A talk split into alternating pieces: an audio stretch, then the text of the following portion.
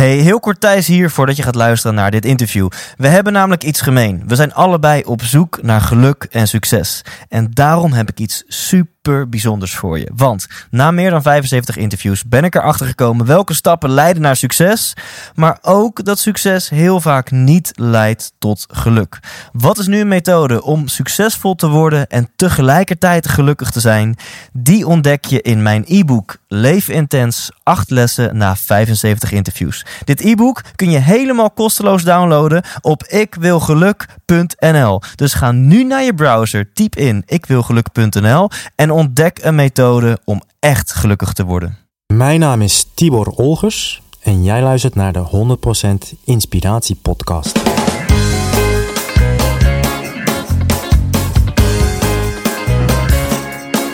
Hey, wat goed dat je luistert. Hij staat weer voor je klaar. Je wekelijkse dosis inspiratie is weer daar. De allerleukste gasten geven al hun kennis prijs. Met je veel te blije host, hij praat je bij. Zijn naam is Thijs. Thijs, Thijs, Thijs, Thijs, Thijs. 100% Thijs. Yes, je luistert naar aflevering Intens 37. En allereerst, lieve, lieve luisteraar. Excuses. Sorry, deze aflevering staat een dagje later online dan je van mij gewend bent. En ja, hoe en waarom dat zo is, dat hoor je dan weer in dit interview. Eh, dus dat, eh, ja, dat ga je zo meteen horen. En wie heb ik geïnterviewd? Ik heb Tibor Olgers voor jou geïnterviewd. En wie is Tibor en waarom vind ik hem zo bijzonder? Waarom heb ik hem gevraagd om hier plaats te nemen en geïnterviewd te worden? Nou, hij is zo'n tien jaar lang persoonsbeveiliger geweest voor het Koningshuis. Maar dat is niet de reden dat ik hem heb gevraagd. De reden is dat hij inmiddels business coach en life coach is. En dat hij daar extreem succesvol in is. Hij gaat zo hard dat hij maand in maand uit zijn omzet aan het verdubbelen is. En weet je, dit moet je ook herkennen. Je vindt tegenwoordig op elke hoek van de straat, te pas en te onpas, vind je een coach. En ik weet dat er heel veel coaches zijn die ook worstelen om daar hun geld mee te verdienen. Die worstelen om succesvol te worden. En dan heb je Tibor en ik hoor dat hij zijn omzet aan het verdubbelen is elke maand. Nou, dan ga ik aan. Je kent de hypothese van deze podcast. Je kent mijn onderzoekje naar geluk en succes. Dan denk ik, dat kan geen toeval zijn. Ik wil Tibor interviewen. En uh, dat heb ik dus gedaan. En ik heb hem al die vragen gesteld. Wat is het geheim van zijn succes? En voordat ik je een kleine teaser ga geven van dit interview, eerst even het volgende. Tibor uh, bewees meteen al dat hij een bijzondere, een bijzonder persoon is door mij te vertellen dat hij een cadeau heeft voor vijf van mijn luisteraars. Dus als je luistert, vijf van jullie maken kans op een heel mooi cadeau. En um, ja, daarvoor moet je gewoon wel even deze aflevering afluisteren. En wat heel belangrijk is, dat het nog dinsdag 6 december is als je dit hoort. Want dan, uh, dan heb je daar het meeste aan. Dus luister gewoon even verder, ja? Dan, dit gesprek. Waar gaan we het over hebben? Wat ik heel leuk vind, dat dit gesprek zowel waardevolle inzichten en tips bevat, als je denkt, ja, mm, ik, ik, ik ben er nog niet. Ik moet op bepaalde gebieden van mijn leven, mijn relatie of mijn carrière of wat dan ook, daar wil ik hard mee aan de bak. Dat is nog lang niet waar ik wil dat het is. Als je in die categorie valt, mega veel waarde voor jou. En ook als je al succesvol bent, of als je al lekker bezig bent, je hebt misschien al je eigen bedrijf, of, of dat hoeft ook niet, het maakt niet uit, maar je bent al goed bezig, je leeft voor een uh, belangrijk gedeelte al je droom, ook dan bevat dit interview hele waardevolle inzichten en tips voor je. Want het is nu eenmaal zo dat, en die valkuil ken ik ook, vaak zijn succesvolle mensen niet heel erg gelukkig. En uh, Tibor, die um, ja, die weet in dit interview zo goed zijn vinger erop te leggen wat dat dan is. We gaan het hebben over ego. We gaan het hebben over de bugs van je hersenen. Uh, we gaan het hebben over, over geheimen van geluk en succes. Dames en heren, ga dit interview luisteren. En, en, en, en, luister hem af. Want aan het einde geeft hij een verrassing. Geeft hij een cadeau aan vijf luisteraars. Um, alleen als het dinsdag 6 december is. Want anders kan hij dat cadeau niet meer weggeven. Ben je te nieuwsgierig? Check dan alvast Tibor .nl slash Thijs. Tibor, dat is T-I-B-O-R. Tibor.nl slash Thijs. Daar kun je het alvast checken als je te nieuwsgierig bent. En nu, ga lekker luisteren en luister hem tot het eind. Hier is Tibor Olgers. 100% Thijs! Tegenover mij, Tibor Olgers. We zitten hier uh, in, in de kerstsetting met uh, nou, 500 ledlampjes boven ons hoofd, denk ik. Super romantisch. Super romantisch, ook een wijntje erbij. Oh nee, dat nog net niet. Een, een kokosdrankje erbij. Hey, eh, jij bent fan van mijn podcast, begreep ik. Dat klopt. Uh, dus dat vind ik natuurlijk super cool om te horen. En dan hoef ik jou niet te vertellen wat de eerste vraag is. Maar toch eventjes om hem gewoon te stellen. Wat wil je worden als je later groot bent? Ja, daar heb ik natuurlijk over na kunnen denken. Eigenlijk zou ik later iemand willen worden die niet per se meer iets hoeft te worden. Omdat ik dat nu wel ervaar. Um, en dat is ook prima, ik geniet er ook van. Maar het lijkt me ook heel gaaf om gewoon iemand te kunnen zijn. En op dit moment ervaar je nog wel dat je iemand wil slash moet worden? Ja joh, ik heb zo ontzettend veel uh, dromen voor mezelf nog. Dingen die ik wil bereiken, dingen die ik wil ervaren. Dingen die ik ook wil geven. Ja. En uh, ik denk ook dat dat ontzettend goed is. Past ook bij de, bij de leeftijd. Ja. En tegelijkertijd is het ook wel een valkuil voor mij, waar ik me wel heel bewust van ben. Um, om altijd maar onderweg te zijn naar het volgende, het volgende wat je kunt zijn, het volgende wat je kunt bereiken. En, uh, en uh, het lijkt me heel gaaf als er, als er ooit een dag komt dat dat uh, meer van nature goed gaat. Ja. Ja, ik vind het wel cool, want als ik kijk naar ook alle mensen die ik heb geïnterviewd in hun leeftijd en hun levensfases, dan merk ik inderdaad dat heel veel mensen, heel veel mensen die soort van achievers zijn, zoals jij mm -hmm. en ik, die, ja, die achieven heel hard tot een bepaald punt. En dan merken ze van, hé, hey, maar is dit het wel? En is het niet fijn om een bepaalde rust toe te laten in mijn leven? En het Ja. is oké.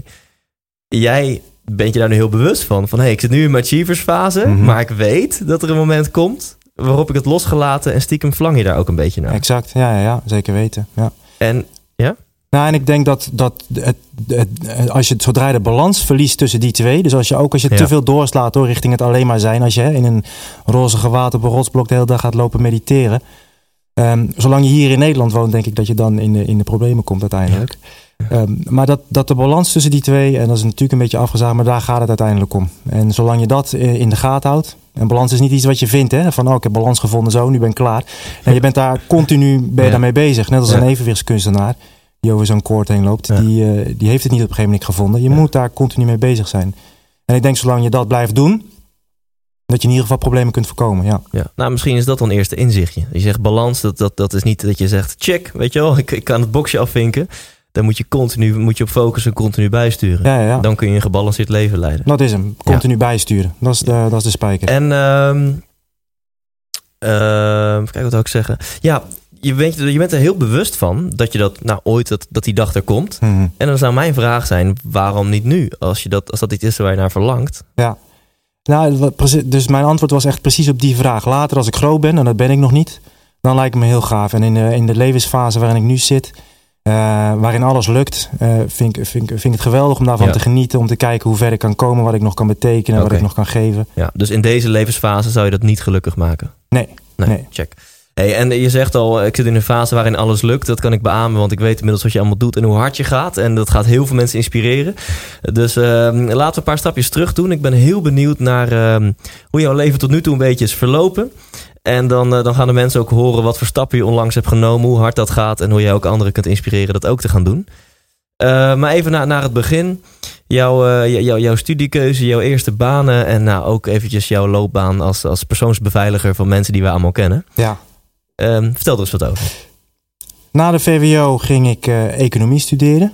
Omdat eh, iedereen eh, uit, mijn, uit mijn klas die ging dat doen. En het was de grote droom van mijn vader. Ja. Dus, en ik, ik heb veel klanten die nog steeds proberen de dromen van hun ouders te verwezenlijken. Nou, dat probeerde ik dus toen ook. Ja. En als jij, en daar zullen we later zeker weten nog op terugkomen, als je met de regeltjes van iemand anders in je kop gaat proberen te presteren in het leven, dan loop je op een gegeven moment vast. Dus dat gebeurde bij mij ook. Maar het regeltje was nog niet helemaal doorbroken. Ik ging daarna naar de politie toe.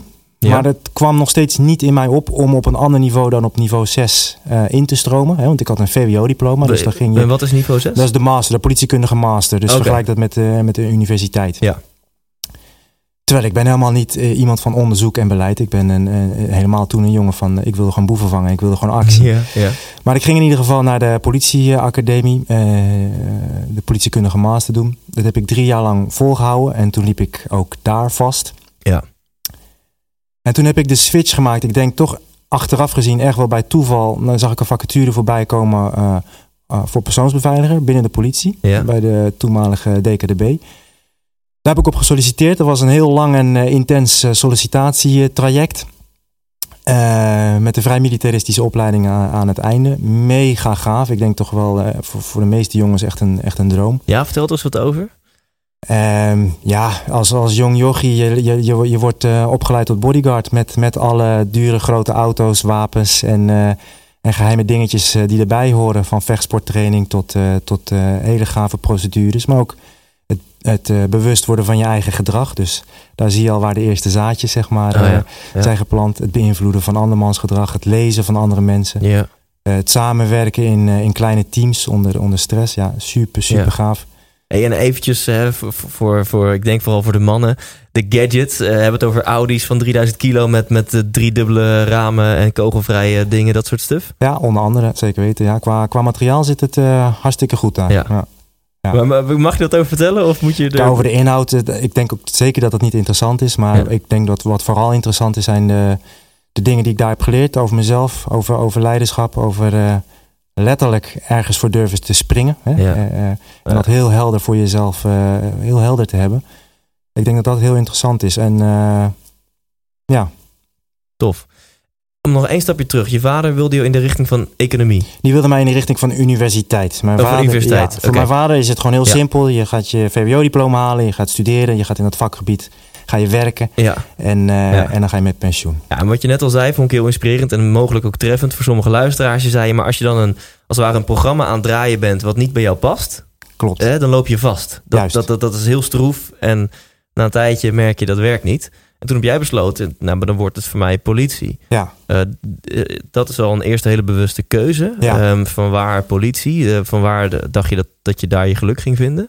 Of misschien dacht je dat niet? Nou ja, wat voor mij in ieder geval me heel erg aantrok, eh, toch wel ook in die niveau 6 opleiding, was uh, enerzijds dus je, je, je, je, intellect kunnen gebruiken en anderzijds uh, de actie. En, en die combinatie daarvan, dus wel gewoon operationeel uitvoeren, Ja. dat vond ik wel heel, dat trok mij heel erg, heel erg aan. Ja. Ja. En daarbij een, uh, vooral toen een heel sterk gevoel van uh, daar niet goed om kunnen gaan met onrecht of daar niet goed tegen kunnen, daar iets aan bij kunnen dragen. Dat, uh, dat, was, ja, dat, dat, trok me heel erg aan. Ik weet ik, ik, trouwens ook nog exact de dag dat ik besloot om uh, te solliciteren voor de, voor de DKDB. Dat was uh, Beslaan, basisschool nummer 1 in, in Rusland. Ja. Daar was in 2005 uit mijn hoofd een, een aanslag op door, door rebellen. Ja. Op de dag dat alle ouders hun kinderen naar, naar school kwamen brengen. Nou, op een gegeven moment hebben de Russische speciale eenheden die hebben ingegrepen. Als die ingrijpen, dan gaat uh, iedereen dood. Dus uh, de speciale eenheid gaat dood, de, de, burgers gaan dood en de, en de boeven gaan zeg maar dood. Als de, als de Russische ja, speciale eenheid is, dan is één groot bloedbad. Dat wordt gewoon één groot bloed. Dat is daar ook gebeurd. Dus 300 uh, doden, ontzettend veel kinderen, veel, veel, veel nee. ouders. Ja. En ik zat daarna te kijken en op een gegeven moment had een, een, een, een vader... die had zijn, zijn, zijn overleden zoontje had die, had die vast. En die werd daarna geïnterviewd. En die zei, ja, je, je hele leven of hè, van, van, van je kind ben je bezig om hem te beschermen, om hem, om hem normen en waarden uh, mee te geven, om hem, uh, om hem veilig te houden. En je weet altijd dat er wat kan gebeuren, maar tegen zo'n vijand als deze, daar ben je als, als man, als vader, als ouder zo kansloos. Je doet er gewoon niet toe. En die onmacht die ik in zijn ogen en stem zeg maar, zag en hoorde, ja. dat raakte mij zo in mijn kern. Dat ik dacht, ik, maak, ik weet dat ik een, een druppel ben, maar ik, ga iets, ik ga iets doen de veiligheid die mensen niet meer kunnen waarborgen voor hun gezin of voor zichzelf, daar wil ik aan bijdragen. Wauw. Ja. En in welke vorm heb je dat gedaan? Nou, toen kwam dus persoonsbeveiliging voor de, voor de Nederlandse overheid uh, op mijn pad. Uh, daar wordt heel weinig over uh, gesproken en dat is, in, is, dat is ook goed. Dus ik denk dat we dat ook moeten, moeten laten. Ja. Maar wat ik heb gedaan, en, en de vraag die je standaard krijgt als je van je, je zit in de persoonsbeveiliging, oké, okay, dus je springt ervoor als er, als er geschoten wordt. Maar ik spring niet voor die persoon. Dat heb ik ook altijd geroepen. Terwijl ik, terwijl ik dat werk deed, heb ik ook geroepen tegen de jongens uh, waarmee ik heb gewerkt. Je springt als het goed is voor iets veel groters. Namelijk uh, uh, de pijlers waar ons, ons land, onze maatschappij op, op, op gebouwd zijn. Ja. Vrijheid van meningsuiting, de vrijheid om te doen en te laten wat je wil binnen de Nederlandse wetgeving. En dat heb ik eigenlijk elke werkdag heb ik daaraan kunnen bijdragen. Heb ik mensen die of op sleutelpositie zaten of getuigen waren in, in, in grote rechtszaken of uh, bijvoorbeeld officier van justitie waren en bedreigd werden. Daaraan bijgedragen niet alleen dat ze hun werk konden doen, maar dat bijvoorbeeld die officier van justitie in Amsterdam ook gewoon nog moeder kon zijn en de kinderen naar school kon brengen. Ja, en dat is, dat is eigenlijk het grootste Ja. goed wat je iemand kan geven. Ja. Dus je zag die beelden van die Russische vader op tv. Dat heeft jou geraakt. En ik zie ook Ja. je zo vertelt dat het je raakt. En dat raakte dan ook mij ook.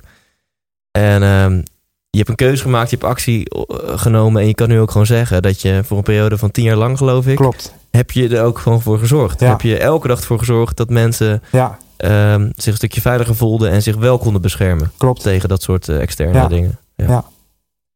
Nu ben jij, eh, ehm, ja, ik weet dat jij nu inmiddels eh, coach bent en dat doe, je, dat doe je best wel goed. Dus daar gaan we het zo meteen over hebben. Die- daar is dus iets gebeurd. Ergens heb je een afslag gemaakt Ja. en ik weet niet hoe die is ontstaan. Dus daar ben ik heel benieuwd naar. Nou, dat is heel geleidelijk gegaan. Ik denk dat ik nu al eh, vijf jaar ben ik echt aan het richting de business coaching, live business coaching gegaan. Vanaf, ja, vanaf mijn vierde doe ik al aan vechtsport. Vanaf mijn zeventiende ben ik daar les in gaan geven. En daar is het bal- balletje beginnen te rollen. Ja, Dus ik ging lesgeven in vechtsport. Ehm, daar kwamen toen langzaam ook eh, communicatietrainingen bij, maar dan verbale weerbaarheid ging Ja. ik geven. en even voor de, voor de duidelijkheid, dit was allemaal naast jouw baan. Ja, dus ja, dit was allemaal, na- dit was allemaal naast mijn baan. Ja. Dit, En ik heb het nu, ben nu een jaar of 17. Dus ik ben dan, ik sta dan, ik geef dan eh, ja, in mijn verhaal ben ik een Ja, jaar of precies, 17. wat is Ja, ik zit niet in de ontkenningsfase. ja, ja, eh, ik dacht al van, eh. oh, eh, Nee, dus toen eh, vanaf een jaar of 17, 18 Oké. ben ik gaan lesgeven. Dat breidde zich steeds meer uit. Verbale eh, weerbaarheid. Nou, er zat een keertje een, eh, een baasje van, eh, van een of andere bank zat daartussen. En die zei, hey, wat gaaf. Kan je niet alleen maar eh, het verbale stuk bij ons Oh, komen geven in een Ja, workshop? Ondertussen me blijven verdiepen. Nou, toen de politie, DKDB, nog meer cursussen en trainingen. En Dus zo. dit liep eigenlijk altijd op parallel Klopt. aan je loopbaan. Dat deed je altijd al Klopt. ernaast. Ja, dat soort klopt. dingen. Oké, Ja. helder. Check. En dan als ik kijk naar de laatste vijf jaar, ben ik eh, echt gaan inzetten op, eh, op mijn eigen bedrijf. En was, eh, zat ik alleen maar bij de, bij de dienst. Ja, vanwege, vanwege de emotionele binding. En niet meer voor het geld. Ja. En eh, langzaam ben ik wel gaan afbouwen. Dus terwijl mijn eigen business groeide, ben ik eh, in uren steeds eh, naar beneden gegaan. Maar het bijzondere is wel dat op het einde werkte ik daar nog maar eh 2,5 dag per week. Ja. En toen ik die ook heb losgelaten, wat met ontzettend veel pijn in mijn hart is gebeurd. Ja. Ja, wat er toen is gebeurd qua, qua groei in mijn eigen business, dat is niet te bevatten. Dus dat, is let, dat kan je letterlijk niet verklaren. Ja. Dus het is niet zo van dat die, die 20 uurtjes die er dan vrijkwamen, Ja.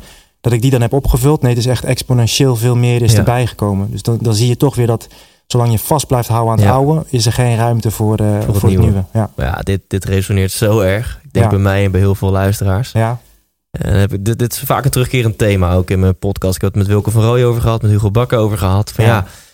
je, je hebt een baan wat je in meerdere of mindere mate wel of niet leuk vindt. En daarnaast heb je iets, je eigen business, wat je eigenlijk wil, eh, wil optuigen. En wat doe je dan? Eh, verbrand je je schepen? En wat nou als je een hypotheek hebt en een, Ja. eh, en een gezin en dat soort dingen? ja, Dus jij hebt vijf jaar geleden heb je gezegd, ik ga me meer focussen op mijn business. klopt. Heb je ja. langzaam je uurtjes afgebouwd Ja. als persoonsbeveiliger. En eh, tot 2,5 dag per week. Ja. Toen deed je het eigenlijk alleen nog maar omdat je, dat, omdat je het gewoon ja, Gaaf vond. gaaf vond. Ja, omdat je er zo erg ja. connectie mee hebt. Of ja, iets in jou triggerde om dat te blijven doen. Ja, En toen heb je een tijd geleden, of een tijdje geleden nog Ja. maar gezegd... ook die 2,5 dag, ik stop ermee. ja. En toen ging de boel stromen. Ja. Ja. Kan je er nog wat meer over vertellen? Over de ging de boel stromen en ben ik ex- exponentieel gaan groeien? Nou, ja, als ik kijk naar omzet, is die, is die. Nou, omzet is trouwens niet interessant. Als ik kijk naar winst, dan eh, is die per maand is die verdubbeld. Eh, nu, al, nu al vier maanden lang. Dus, dus ja, al begin je maar met, eh, met, met 2000 euro, dan eh, nou, Ja. doe, doe, doe, doe, de, doe de wiskunde. Maar tegelijkertijd ook dat ik, dat ik hier nu bij jou zit. Dat ik eh, Michael Pilarczyk heb geïnterviewd. eh, dat ik volgend jaar een, een mastermind samen met Ilko Smit ga doen. Waar ik ontzettend veel respect voor heb. Ja, er zijn zoveel deuren zijn er open gegaan. En het is grappig dat ik dan als coach altijd op zoek ben bij mensen tegenover me. Van wat is nou het oude waar je nog aan vasthoudt? Waar moet je, wat, wat, wat, wat moet je loslaten? En dan ervaar ik het zelf zo keihard. Ja, dat was wel eh, dat was heel bijzonder. En je, je zegt, ehm, eh, ja, als coach... is dat ook hetgene waar je voornamelijk op dit moment je geld mee verdient? Ja, die komt uit, uit twee eh, stromen. Enerzijds mijn één op één trajecten. Ja. Waar ik ook het allergaafste vind om te doen. Tegelijkertijd weet ik dat dat lang niet voor iedereen haalbaar en betaalbaar is. Ja. Dus geef ik ook trainingen. En dat doe ik één keer in de maand. En die twee, dat zijn eigenlijk mijn, eh, mijn twee voornaamste inkomstenstromen.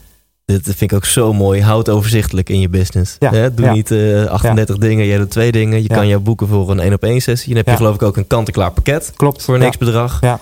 En, eh, en je kan komen naar de training die je één keer per maand doet. Ja. En dat is ook wel gevolg van, eh daar hebben we het hiervoor over gehad, over recht en rem bij mij. Dat ik weet dat ik ook digitale producten moet maken. En ik weet dat ik ook eh, goedkope trainingen voor een groter publiek zou moeten organiseren. Business-wise, als ik mijn eigen business coach zou zijn.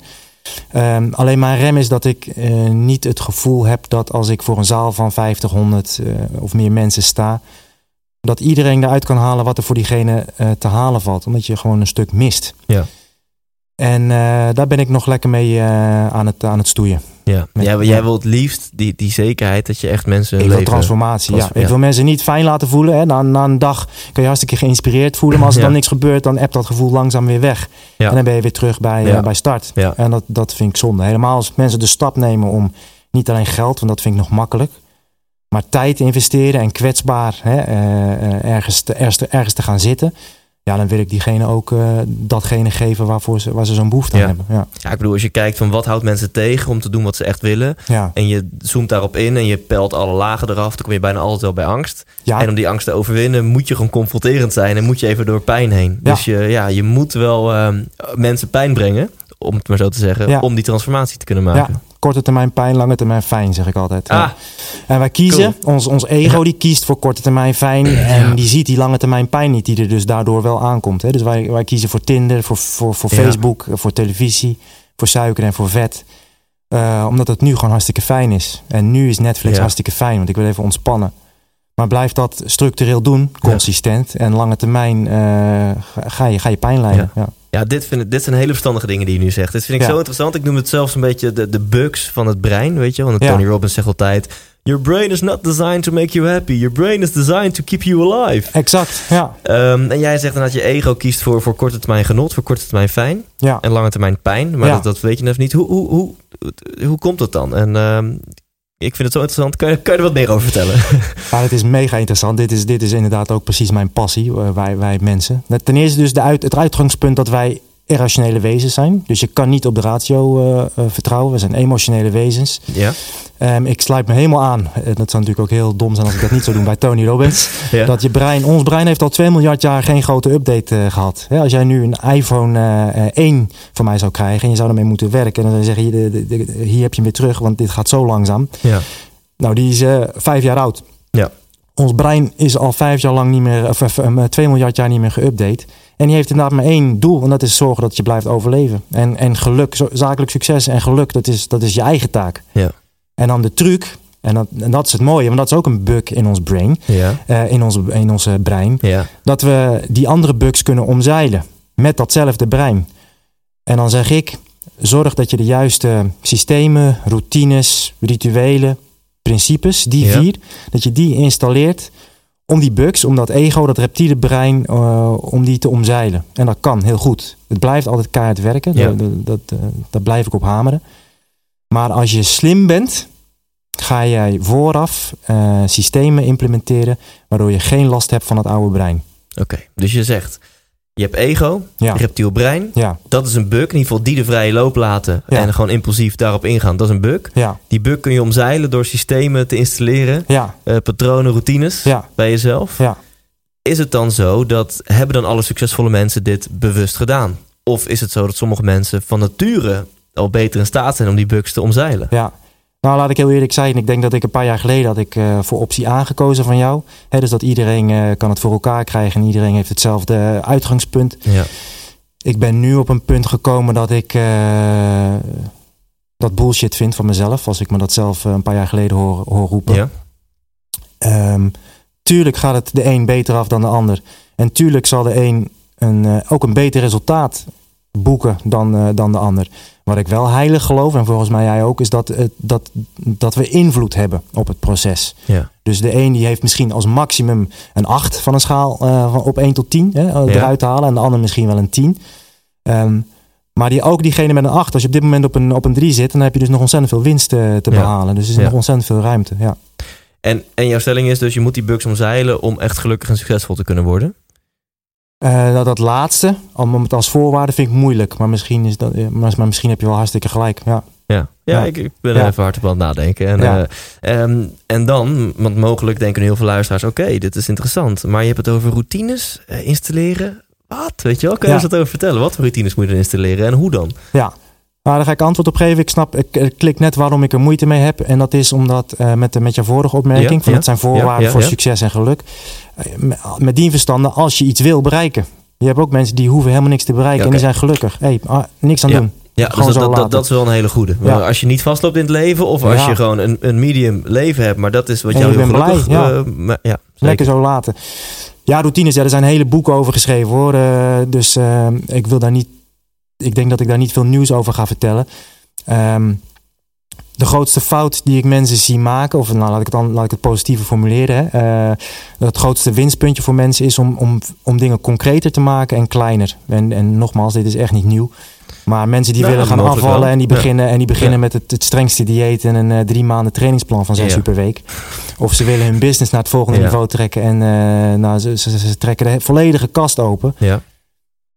Elke dag een klein beetje wint het altijd van af en toe heel veel. Dus ik zet altijd in op elke dag een klein beetje. Consistentie. Ik kom telkens terug op helderheid en consistentie. Dat vind ik nog belangrijker dan die routine die je gaat, gaat installeren. Ja. Als jij het hele jaar door geen aandacht hebt voor je gezin omdat je aan het werk bent. Dat is oké als je daarvoor kiest. Maar ga het dan niet proberen recht te trekken met twee weken eh, all-inclusive in Turkije of zo. Want dat gaat je niet lukken. Ja. Net als dat als jij nooit beweegt en, en, en troep, eh, troep eet, ga je niet recht trekken met een maandje streng diëten en, en, en, flink sporten. Dus met betrekking tot routines, klein en concreet en verankerd. Charles Duhigg heeft daar veel over geschreven. Dus stel je wil een nieuwe gewoonte aanleren, koppel het aan iets wat je al doet. Je tanden poetsen, de afwas eh, doen, eh, nou, naar het toilet gaan. En koppel daar iets concreets aan. Dus niet eh, meer in mijn kracht staan, dat is niet, eh, dat is niet concreet. Mhm. Maar bijvoorbeeld eh, een bepaalde visualisatieoefening of 10 push-ups, dat maakt me niet uit waarmee je Ja. bezig bent. Ehm, dat is concreet. En maak het heel klein. Eigenlijk zo klein dat het belachelijk is. Want alleen als het belachelijk klein is, gaat je ego niet dwars liggen. Mhm. Zodra het Ja. groter wordt dan belachelijk klein, gaat je ego dwars liggen.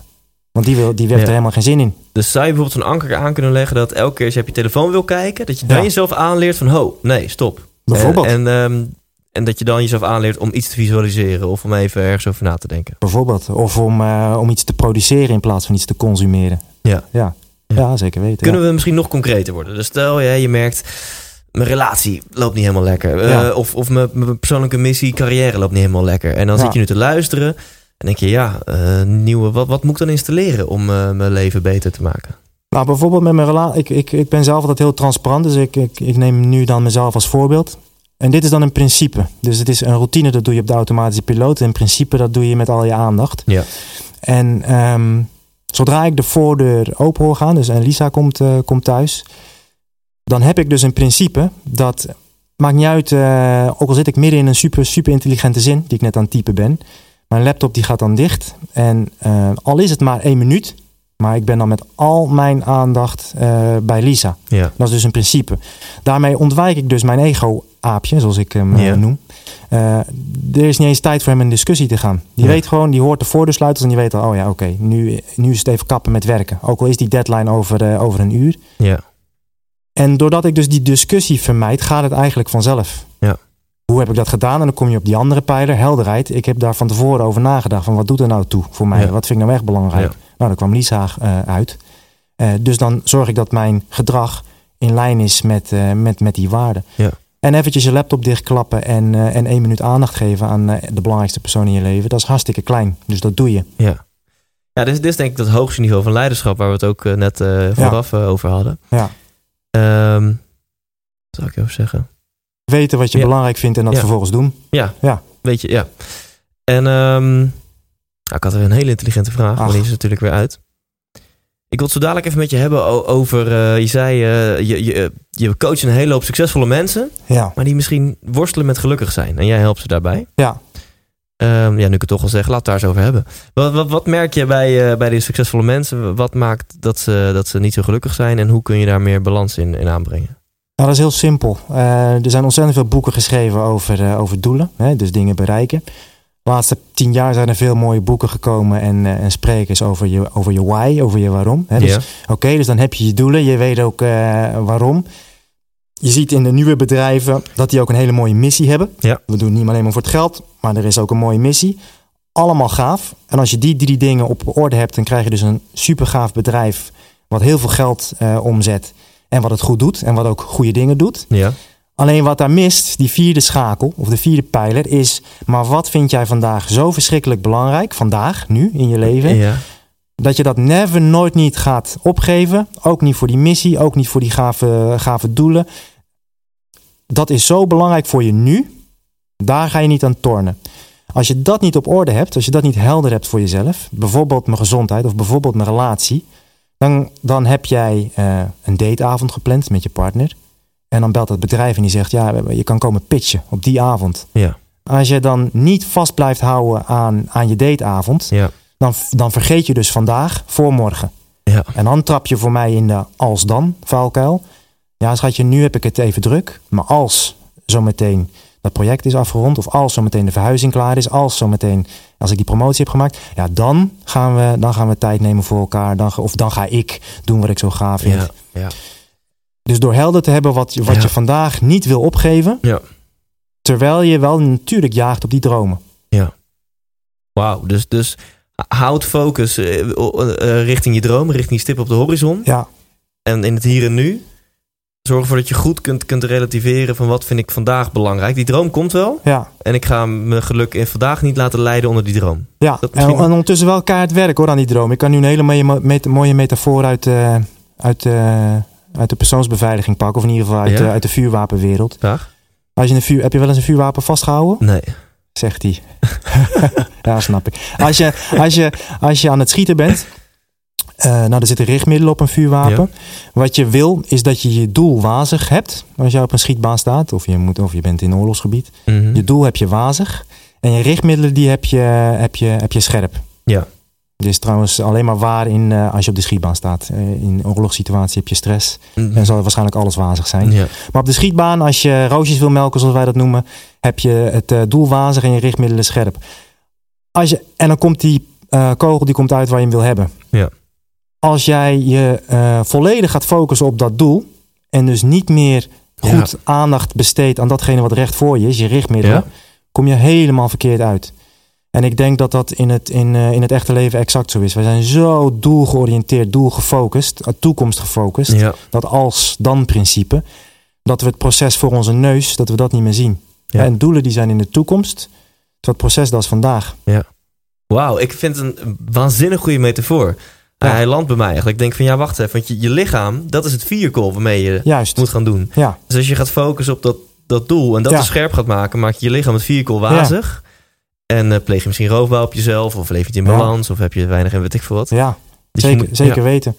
En, maar er blijft dus wel een doel. Dus het is niet zo van eh, geef al Ja. je doel op. Alleen het is wazig en focus Ja. op het proces. Ja, en dan, je, je, noemt ook, noemt, zo, je noemt ook een aantal keer hard werken. Nou, daar Ja. ben ik ook een groot voorstander van. In elk geval ligt er wel aan in welke fase je zit. Maar soms zit je gewoon nog in een fase van, van zaaien en niet van oogsten.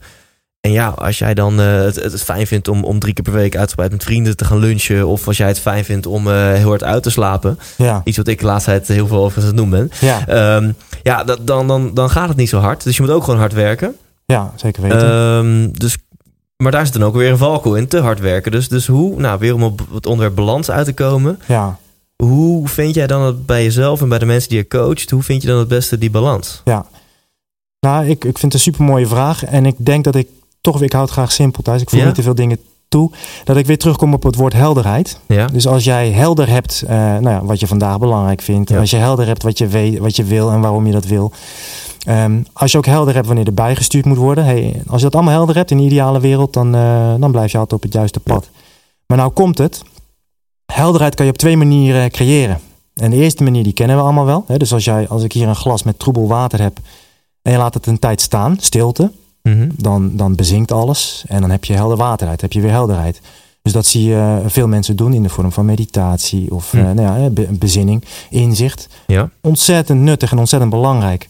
Tegelijkertijd kan ik ook dat glas vol met vuil kan ik oppakken door een zeef heen gooien en filteren. En heb ik ook, heb ik ook helder water. ja. Dus dan is het juist de beweging die voor helderheid zorgt. Ja. Oké, dit is tot hier de metafoor. ja.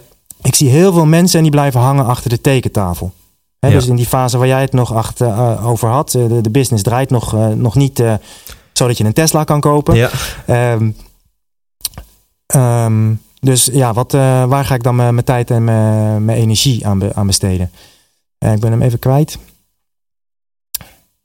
Het ging over een balans tussen, tussen ja, de tussen helderheid in beweging. Ja, dan, dan blijven mensen achter de tekentafel zitten. Terwijl dan zeg ik, trap nou iets kleins van jezelf de wereld in. Dus be- ben je, wil je coach worden? Vraag eens aan de vriendin van een vriendin die je niet zo goed kent... of je die voor de symbolische 20 euro mag coachen. Eén keertje een sessie. Maar trap iets van jou de wereld in, zodat je feedback krijgt. Ja. En die feedback zorgt ook weer voor helderheid. Ja. Die je nooit had gekregen door te mediteren. Ja. Lang, eh, lang verhaal. Hoe, hoe bewaar je nou die balans? Ja. Door het creëren van helderheid. Hoe creëer je helderheid? Enerzijds vlammen, dingen de wereld intrappen. Ja. En dan wel je ogen en je open oren eh, open houden voor de, voor de feedback die komt Ja. van de wereld. En anderzijds echt plannen in je agenda momentjes van stilte. Ja. En dat, en dat verschilt per persoon. Ga wandelen, ga zitten. Maar bouw me- momentjes in van, van stilte. En, en die helderheid, zeg maar, op, op andere gebieden dan je, dan je missie, je, je zakelijke doel, zeg maar. ja. Dus als je het hebt over je gezondheid, je me-time, je relatie, je- Ja. je gezin, dat soort dingen. ja. Ehm, die jij voor jezelf heel helder hebt. In el- in elk geval in het voorbeeld van als een meisje thuis komt. Hup, laptop dicht. Minimaal een minuut. Volledige aandacht voor haar. ja. Ehm, die helderheid moet je dus wel een keer zien te creëren. Dus is het niet Ja. een goed idee om, om een keer een dag of zo te gaan zitten en erop te schrijven van hé, hey, wat, wat zijn nou misschien wel mijn leefregels, zoals onze vriend Remco Klaassen het zou zeggen. Ja, ja, dat zou, dat zeg ik ook op de trainingen die ik zelf geef. Het zou het meest waardevolle zijn eh, als ik dan de hele dag mijn kop zou houden, iedereen een, een boekje en een, en een pen zou geven en iedereen in een hoekje zou, zou acht uur lang zou laten zitten Ja. en niks zou zeggen. Ga maar zitten en als je iets wil schrijven, dan doe je dat. Ja. Want dat doen we niet meer. Al, die moment, al die tussenmomentjes. Ja. Vroeger stond je in de rijen bij de supermarkt. Dan had je een tussenmomentje. Moest je wachten. Moest je, Ja. Dan ging je je vervelen. Ja. Nu pak je je telefoon. Als je ergens op het openbaar voer zit te wachten. Je pak je telefoon. Al die Terwijl als je gaat kijken in die tussenmomentjes gebeurt er magie. Daar heb je de mooiste inzichten. Dus 100% ja, wat jij zegt. Bouw eh, een, eh, momenten in van, voor, voor helderheid, voor reflectie. Van eh, wat, wat doet het toe? En dan is de valkuil inderdaad door een hele dag voor in te plannen. En dan ga je hem uitstellen. Ja. volgende week heb ik het rustiger. En dan Ja. bouw maar eens elke avond één minuut in. Begin er Ja. eens mee. Belachelijk klein. En Ja. op zondag een kwartiertje. Vind ik een mooie. En denk dan even na over die gebieden van je leven, hoe je erin Ja. staat. Want in, in het in de heat of the moment, als je niet voor jezelf zo'n regel hebt, zo'n principe zoals jij, dan Ja. ben je gewoon bezig met die deadline voor die klant. Ja. En no way dat je die laptop Nee, dicht dan gaat zeg je, schat, hey, Ja. ik ben even druk. En, dat- en dat snapt ze ook nog, hij Ja. of zij, als je niet oppast. Ja, precies. Ja, En, ehm, of hij of zij wil wat kwijt. En zegt, nee, nee, even niet, even niet. Ja. Als ik deze deadline heb gehaald, Precies. dus als ik mijn laptop een uur Ja. dik klap. dan- Ja, dus ehm, eh, in de heat of the moment ga, ga, ga je de oorlog niet winnen. Dus Nee. je moet er echt eh, ruimte voor nemen. en het Jij creëren, dat zei je perfect. Je moet helderheid creëren. Het is niet iets wat komt als je, als je erop wacht. Ja. Eh, dus dan krijg je weer onze gezamenlijke vriend Tony, Tony Robbins. Ja. Massive action. Ook voor het creëren van helderheid heb je, heb je dat nodig. Ja. Ja, check. Ehm, mag ik nog een paar vragen instellen, nu weer toch zitten? Ja, Ja. vooruit. Ehm, ja, wa- waarom niet? Laten we eens een linkje eerst nog maken naar jouw carrière. Je noemt het omzetverdubbeling vier maanden op rij. Nou, dan zit je twee keer twee keer twee keer twee. Dan zit je op 16 keer wat jij dus eh, vier maanden geleden verdiende. Ja, Ehm, dat is op zich, dat doe je leuk. ja. ik ken best wel wat, wat coaches, of in elk geval eh, ook mensen die luisteren. Het stikt ineens van de coaches. En Ja. ik weet dat er zoveel zijn die inderdaad, ehm, nou, voor die, voor die twee tientjes eh, per uur misschien drie klantjes per week hebben. ja. Eh, wat is nou een, een, een, succesfactor in jouw succes als coach? Dat, dat, dat je omzet en je winst door het dak gaat. En dat je leuke klanten hebt en, en goed gevulde trainingen hebt. ja. En dat je nu hier zit. Ehm, dat is natuurlijk toppunt van je carrière. ja, Laten we daar eerlijk over zijn. hè? ja, ja, zeker weten. Dit is inderdaad, eh, dit, dit, dit momentje, dat komt er in mijn, in mijn plakboek. Precies. Eh, het stikt inderdaad van de coaches. Mijn, eh, mijn ego-aap die wil daar nog wat over roepen. Die heeft er namelijk ja. Die heeft, die heeft er last Graag, van. Ja. Ehm, het is oké als je iets niet eh, beheerst zelf. Ik beheers he- eh, heel veel dingen niet. Vraag maar aan, aan Lisa en aan mijn vrienden. Alleen als je er dan geld voor gaat vragen aan andere mensen, ehm, dan ben je of een charlatan of je hebt een gigantisch bord voor je kop. En ehm, dat zie je in de coachingwereld, zie je beide, zie je ontzettend veel terugkeren. En er zijn ook ontzettend veel goede coaches. En juist voor die laatste groep is dat dus ontzettend vervelend, want je hele beroepsgroep die, eh, die brokkelt op die manier af. Ja. Maar het zou natuurlijk hartstikke bizar zijn als jij naar een, naar een personal trainer gaat en die, eh, en die is moddervet Ja. en super ongezond. Wat op zich, waar ik helemaal geen oordeel over heb, maar dan moet je niet personal trainer worden en zeggen: geef mij eh, geld en ik ga jou vertellen hoe je, Ja. hoe je in vorm kunt komen. Ja. Terwijl in de coachingwereld zie je dus mensen, business coaches, die blut zijn. Of, Ja. of, ik, zie, Ja. of ik zie Facebook marketing coaches die, die 20 likes eh, op een Ja. pagina hebben enzovoort. Ja. Maar ja, nou ging mijn ego er alweer mee met me, met me van de Nee, haal. maar mijn ego heeft precies diezelfde ergernis. En ehm, ja, als je zo'n coach bent of kent, ja, eh, ga gewoon even goed bij jezelf na van hey, eh, Helderheid creëren. Ja, creëer Ja. helderheid. Want Ja. dat is. ehm, ja, ik, ik bezoek ontiegelijk veel seminars. Echt, Ja. echt veel. En ehm, ik, ik maak, probeer ook een mooie balans te houden in, in seminars bezoeken en in actie komen. En als het uit balans is, dan zeg ik tegen mezelf: ah, je gaat niet naar dat seminar, Ja, jongen. goed.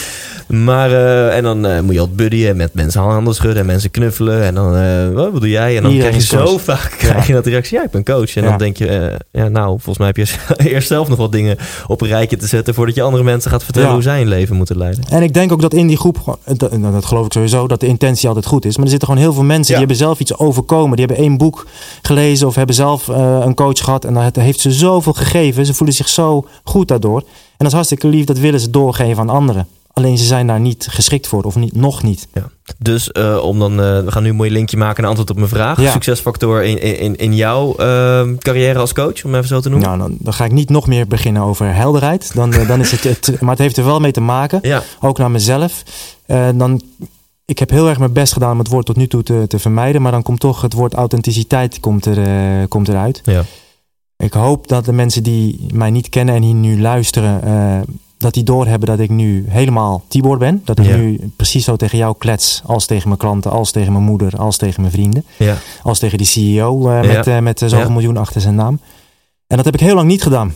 Ik heb heel lang geprobeerd om een professioneel klinkende business coach te zijn. ja. En Ja. ik heb zo vaak dat ik mensen dan eh, spreek, hè, klanten van mij. En het zijn zulke gave mensen met zulke mooie persoonlijkheden. En dan lees ik een stuk tekst van ze op hun website of, eh, of eh, hoor Ja. ik een stuk acquisitie. En dan is het me toch een slap aftreksel van de persoon die ze werkelijk zijn. ja. Het is, ik, kan me, ik zit me nu te verplaatsen even in iemand die maar een paar honderd euro omzet draait per maand. Van wat heb ik hier nou aan, Tibor? maar, maar, maar toch terugkijkend is dat hem. Voor mij, vanaf, vanaf het moment dat ik dat ben gaan doen, ben ik, eh, ben ik explosief gaan groeien. Ja. Dat is één. En twee, zit ik zoveel lekkerder in mijn vel, namelijk helemaal ontspannen.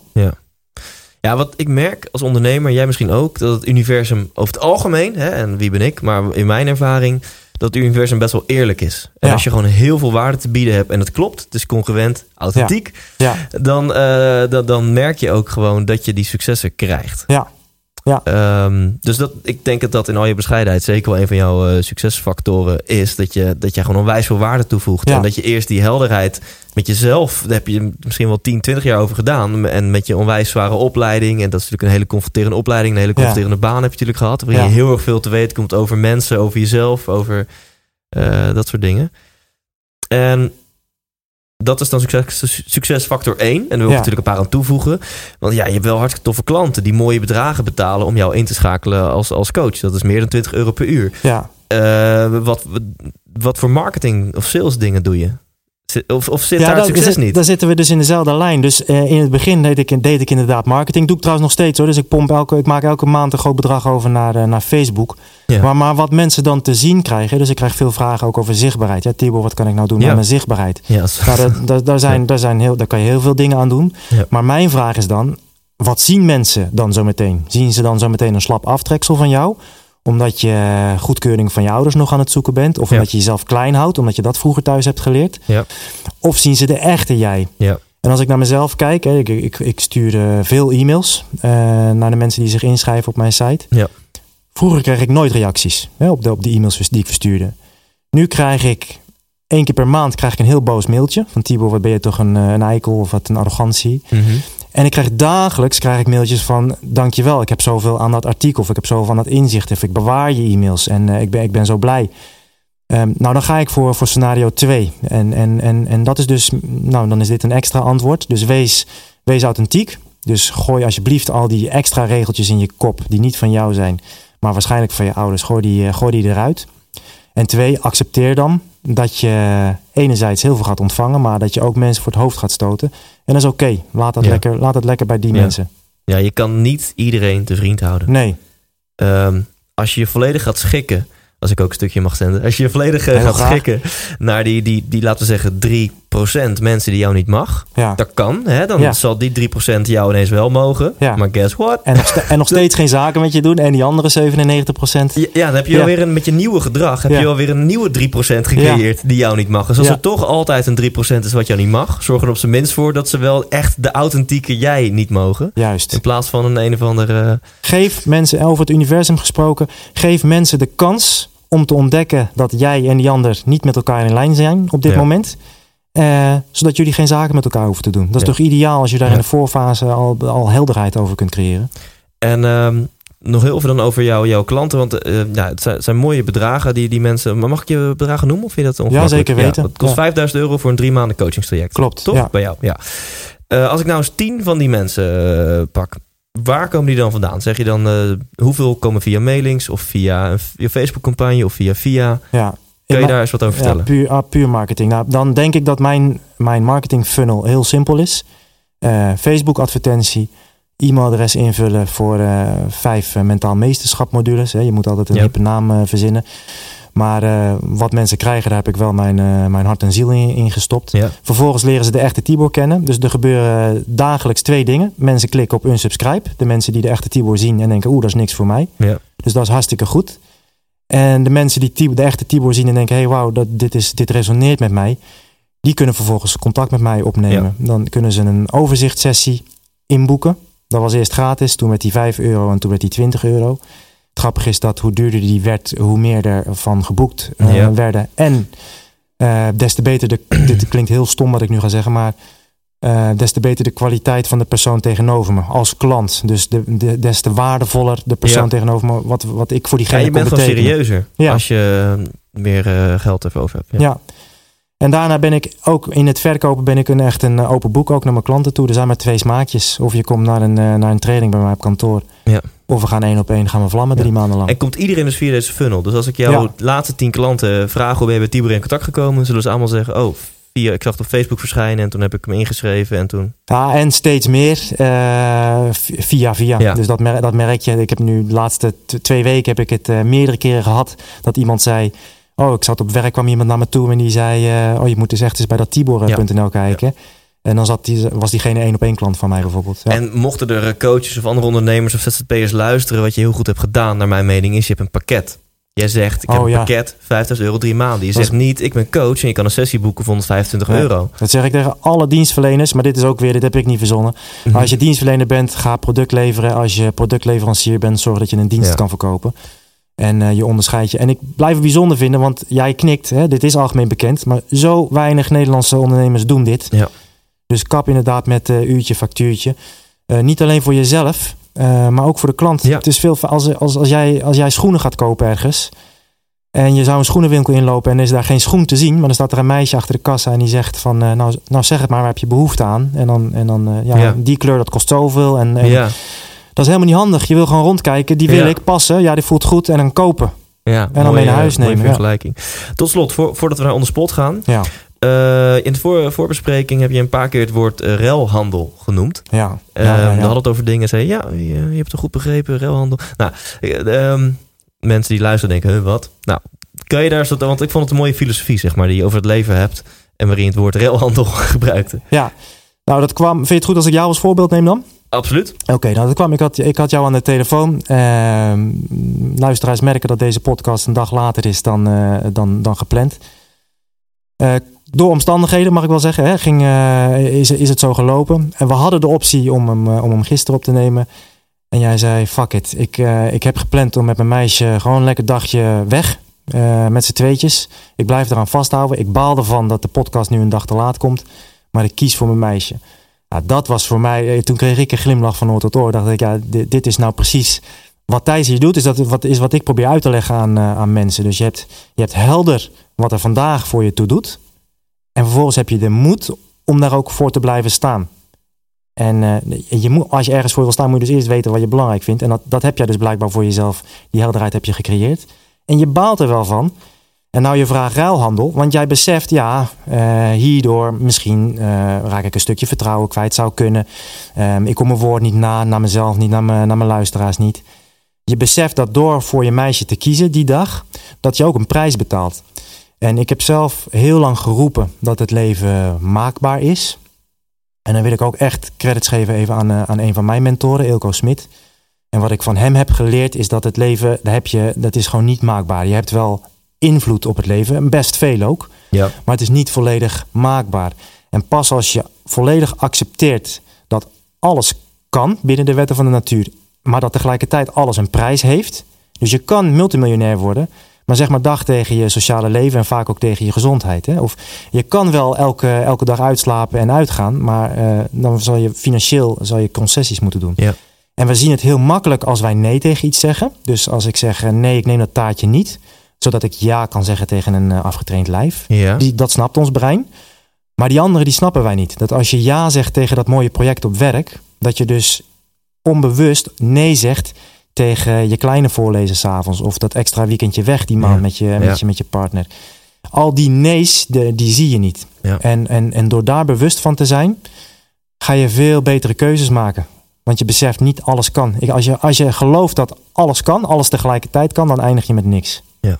Nou, dit vind ik tof. Want mijn doel was ook van het interview om, om ook eh, waardevolle inzichten en antwoorden te geven voor mensen die al gewoon succesvol zijn. Mensen die lekker bezig zijn. En dit is, dit is daar echt zo eentje. Ik bedoel, mensen Ja. die te veel op een reet zitten. Tegen hun moet je zeggen, zeg eens ja tegen dingen. Ga eens wat doen. Ja, Maar de, de, de achievertjes juist. onder ons, eh, daarvoor is dit een heel waardevol inzicht. En ik, dit- je Ja. hebt mij hiermee geïnspireerd. Ik, deze land bij mij en deze ga ik vanaf nu eh, ook toepassen. Als je dus nee, of als je ja zegt tegen iets, maakt niet uit wat. Besef je dan, maar tegen welke dingen zeg ik dan nu nee? juist. Ja. Het leven is een ruilhandel. Tof. We gaan naar het onderspot gedeelte. Vind je dat oké? Ik vind het oké. En eh, voor de luisteraar, blijf echt even hangen. Want daarna gaan Oh, we ja. iets tofs bekendmaken. Want jij zei van tevoren, hey, de Rocking of Christmas vind ik tof. En ik ga iets doen voor jouw luisteraars. Dus Juist. dat, eh, dat is eh, heel tof. Nou, je kent het misschien al uit je hoofd. Nee, geitje. Komt-ie. Ochtend of nacht? Ochtend. Bestuurder of passagier? Ja, ja dan echt bestuurder. Groene smoothie of Engels ontbijt? Oeh. Eh, nou, dan ga ik voor het Engels ontbijt. Ik heb genoeg, eh, genoeg groene smoothies al op. Dus morgen een Engels ontbijt. dan. Morgen een Engels ontbijtje. Ja. Echt, echt vanuit het nu. ja. antwoordje. Ja, Ja. Naakt of pyjama? Ehm, nou, nu vind ik pyjama wel lekker. Zo wat koud. Kamperen of all-inclusive? Eh, nu kamperen. Oh, maar het is hartstikke koud. Ja, inderdaad. Dan ga je dus, dan, dus inderdaad kamperen ergens dicht bij de Evenaar. Ja, oké. Lekker. Kamperen op de Malediven. Juist. Eh, nooit meer... Of nee, sorry. eh, klassieke muziek of death metal? Klassieke muziek. Nooit meer seks of nooit meer muziek? En dan, eh dan neurie ik wel wat. Nooit meer muziek. Oh, en dan kan je ook gewoon neurien tijdens de seks. Kijk. Dan heb je eh, alles, al het beste van twee werelden. Een beetje raar, maar ik snap wat je bedoelt. Ja, eh, als je dan heb je even voor mij gaat neurien, dat is misschien niet echt eh, bevorderlijk voor de, voor de vibe. Hutje op de hei of herenhuis aan de gracht? Ja, dan eh Herenhuis aan de gracht in Amsterdam. Een wilde tijger of een Russische dwerghamster? Dan, dan schreeuwt mijn ego-aapje wilde tijger natuurlijk. Kom maar met de wilde tijger. Ja, Malediven of IJsland? Malediven. Thuis koken of uit eten? Thuis koken. Ja? Uit Cool. eten, dat, dat doe ik te veel. Basic fit of personal trainer? Personal trainer. Ja, maandagochtend yoga, vrijdagmiddag borrel. Yoga. Maandagochtend yoga, check. Risico's nemen of op veilig spelen? Eh, altijd risico's nemen. Oké. Geld maakt gelukkig of geld maakt ongelukkig? De mens maakt gelukkig of ongelukkig. Richard Branson of Steve Jobs? Eh, Richard Branson als mens, ja. Justin Timberlake of Justin Bieber? Timberlake. Focus op de toekomst of focus op het hier en nu? Eh, de toekomst wazig en het hier en nu heel scherp. Ja, heel mooi. Genieten van de weg er naartoe of genieten van het eindresultaat? Ja, idem dito, genieten. En eh, geniet van de resultaten die, je die je boekt. En eh, ik geloof niet in een eindresultaat. Ja, tot Nee. de dag dat je, dat je het loodje legt. Ja, ja. Ehm, voordat we gaan, gaan verklappen wat we gaan doen, mag jij een Mhm. vraag stellen aan Erben Wennemars. Erben Wennemars, nou, dat is een super uitgesproken persoon. Wat ik van hem weet is dat hij in ieder geval, als je de prestaties hebt geleverd die hij heeft geleverd, dan, dan moet je keihard werken. Dan moet je bereid zijn om, eh, om door een hel te gaan. Ik denk dat hij ontzettend veel heeft geleerd. En waar ik eh, benieuwd naar ben, en deze vraag heb ik niet zelf verzonnen, maar ik vind het gewoon een hele coole vraag. Stel dat hij zo meteen op zijn op sterfbed ligt en, en alles wat hij ooit heeft ge- geproduceerd, dat is weg. Dus elk interview, elk, elke boek, elk eh, stukje tekst wat hij heeft geschreven, alles is weg. Zijn hele nalatenschap is weg. En hij mag ons maar op, op een papiertje, mag hij, ons, hij mag ons drie dingen over het leven eh, meegeven waarvan hij weet, ja, die zijn waar. Dat heb ik geleerd eh, in mijn donkerste periode, in mijn mooiste periode. Daarvan weet ik, die zijn waar en dat weet niet iedereen. Welke drie dingen zouden dat dan zijn? Wow. Jij, jij zou spreker moeten worden, Tibor. Holy shit. Ja. Ehm, prachtige vraag. Echt prachtige vraag. Uh, laten we nu verklappen, want als je luistert en dit is, uh, deze podcast komt online op dinsdag 6 december. Is het nu dinsdag 6 december, dan Ja. moet je nu heel goed gaan luisteren. Is het uh, 7 december of later, dan heb je iets gemist. Want, Want ik heb een speciale pagina aangemaakt op mijn website, speciaal voor de intelligentste mensen van Nederland, namelijk de, de luisteraars van de 100% Inspiratie podcast. Ehm, ik heb heel lang nagedacht over de link. Dat is tibor.nl schuine streep Thijs geworden. jouw website is gewoon tibor.nl. Tibor.nl. Gewoon je voornaam. Ja, Oké, tibor.nl slash Thijs. En daar, daar heb ik eh, sowieso een boel waardevolle eh, dingen verzameld voor jouw luisteraars. eh, zowel gratis als informatie over de trainingen. Ehm, ik heb sowieso, Thijs, dat had ik nog niet eens tegen jou gezegd.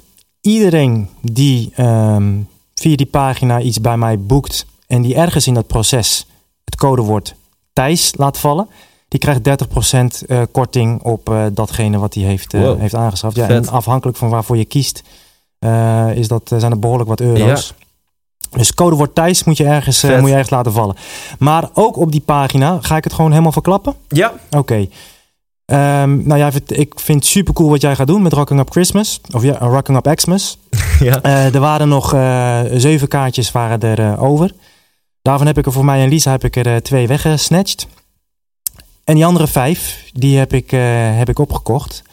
En voor de eerste vijf mensen die via die pagina, het e-mailadres wat ze daar zien, een berichtje aan jou sturen. Met daarin even een goede onderbouwing waarom zij er vanavond, hè, als ze nu zitten te luisteren, vanavond bij willen zijn. Ehm, ja, die gaan op mijn kosten gaan die, eh, een super gave avond eh, bij jou hebben. vet. Ja. Dus op tibor.nl slash Thijs, dan Ja. kunnen ze een berichtje typen. Daar vinden ze een, eh, een e-mailadres. Oké. En dat kunnen ze gebruiken, de eerste vijf. Of hoe gaan we het doen? Ga je een selectie doen? Ja, de e-mails komen dus bij jou binnen en dan mag jij een selectie maken. Oké, nou dan gaan we dat samen doen. Dan komen we, helemaal, helemaal komen we helemaal uit. Ja. Tof. Ja, ik vind dit super vet. Ik had net eh, Imco aan de lijn, de, zeg maar de projectmanager dit jaar van Rocking Up Xmas. Hij eh, loopt stage bij ons en organiseert het allemaal. Nou, tranen schoten bijna in zijn ogen van geluk. Echt heel tof, uh, Ja, Tibor, dat je dit doet. Vind ik echt heel cool. Want het is wel gewoon een serieuze investering die je nu doet in ons. En eh, ja, mega bedankt. ja, geen probleem. Super tof wat jij doet.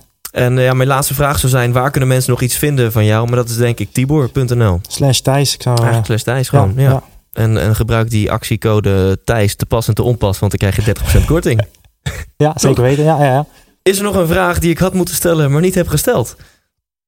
Ehm, nou, ik heb een super gaaf gesprek gehad, eh, Thijs. En ik, eh, ik geloof zelf ook dat, eh, dat het best wel waardevol kan zijn... wat jij en ik hier allemaal met elkaar hebben besproken voor, voor jouw luisteraars. Dus ik denk dat het goed genoeg is voor nu.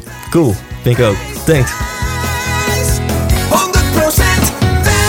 Holy shit. Dat is wat ik dacht en jij wellicht ook. Hij heeft gewoon eventjes zijn laptop gepakt en zeven kaarten gekocht voor Rocking Up eh, Xmas vanavond.